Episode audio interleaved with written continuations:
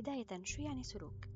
يشير السلوك إلى كيفية تصرف الشخص يعني هو عبارة عن أفعال وردود أفعال استجابة للبيئة والمواقف اليومية لحتى نفصل أكثر السلوك هو كيف بيتصرف شخص لحتى يحقق شيء معين أو لحتى يحدث تغيير معين أو لحتى يحافظ على الأشياء مثل ما هي أو حتى كمان يجذب الانتباه وكمان لحتى يهرب من شيء ما. المفتاح لحتى نفهم السلوكيات هي نفهم سبب حدوثها السؤال اللي لازم نطرحه دائما قبل الاستجابة لأي سلوك صادر عن الطفل أو المراهق هو شو الشيء اللي عم يحاول هذا المراهق أو الطفل يوصله لنا من خلال سلوكه؟ كيف عم يحاول يوصل هاي الأفكار؟ كيف أنا بدي أستجيب؟ من خلال هاي العملية نحن بنقدر نحلل العوامل المسببة للسلوك وتحليل فيما إذا كانت استجابتنا نحن كأهل بتعزز هذا السلوك أو بتثبته. وقبل ما نفصل الحديث عن أسباب السلوك خلينا نستعرض بعض الخصائص السلوكية لكل مرحلة عمرية لحتى نعرف شو السلوكيات اللي ممكن نشوفها بكل مرحلة عمرية. اخترت هلا أنه نحكي عن ثلاث فئات من المراحل العمرية اللي هي عمر من سنتين لثلاث سنوات من عمر ثلاثة للخمسة ومن عمر المدرسة اللي هي خمسة لثمانية من عمر السنتين لثلاثة هلأ الأطفال بهي المرحلة بيبدأوا بإدراك إنهم منفصلين عن أهلهم والشيء بيعني إنهم بيحاولوا يأكدوا ذواتهم. بيتصرفوا بشكل مستقل قد ما بيقدروا ببلشوا يطوروا مهارات لغوية بتساعدهم على التعبير عن أفكارهم ورغباتهم واحتياجاتهم. بنفس الوقت هن مو قادرين على التفكير بشكل منطقي لأنه أجزاء الدماغ الأمامي مسؤولة عن التفكير المنطقي غير مكتملة النمو. بالإضافة إنهم بيواجهوا صعوبة بالانتظار وبالتحكم بالنفس ولذلك من الضروري إنه نعرف إنه هذا الشيء جزء من النمو الطبيعي والطفل ما عم يتحدى الأهل بهاي المرحلة وبدنا نتوقع كلمة لا كتير بهاي الفترة. بعض السلوكيات اللي ممكن نشوفها أيضا هي نوبات الغضب بسبب المشاعر القوية اللي بيمروا فيها بهالفترة يلي بتتأرجح بعنف بين لحظة والتانية. مثل لما الطفل بيشعر بالسعادة لما تعطيه آيس كريم بيبكي فجأة إذا وقعت على الأرض.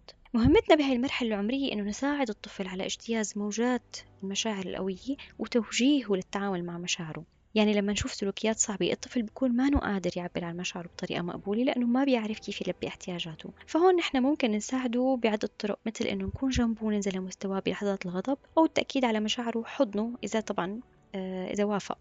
وممكن كمان نعلمه أسماء المشاعر وكلمات بسيطة مثل محتاج مساعدة أو كلمة حاول. دائما نعلم الأطفال هدول الكلمات لأنه نحن مع الوقت رح نشوف إنه الطفل بدأ يستخدمهم.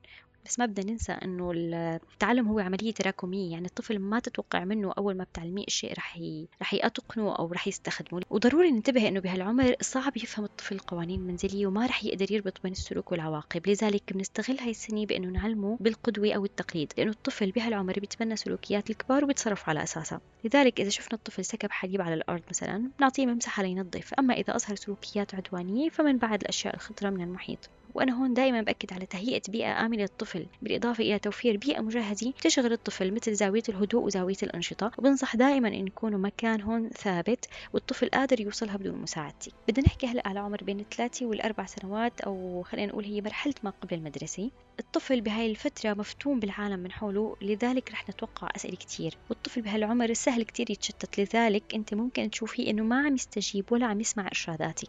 الاستقلال هلأ مهم كتير بهاي المرحلة والأطفال حريصين لحتى يعملوا كل شيء بنفسهم بس بنفس الوقت بيحتاج الطفل دعمك لبناء ثقته بنفسه والتنظيم الذاتي بهاي الفترة بتتحسن لذلك ممكن ممكن إنه نشوف إنه نوبات الغضب قلت ومع ذلك لسه الطفل بحاجة لمساعدتك على التعبير على المشاعر القوية بشكل مناسب وإنك تساعديه كمان على إدارة السلوك. بدي ركز بهذا العمر على الاتصال العاطفي وإعطاء اهتمام فردي.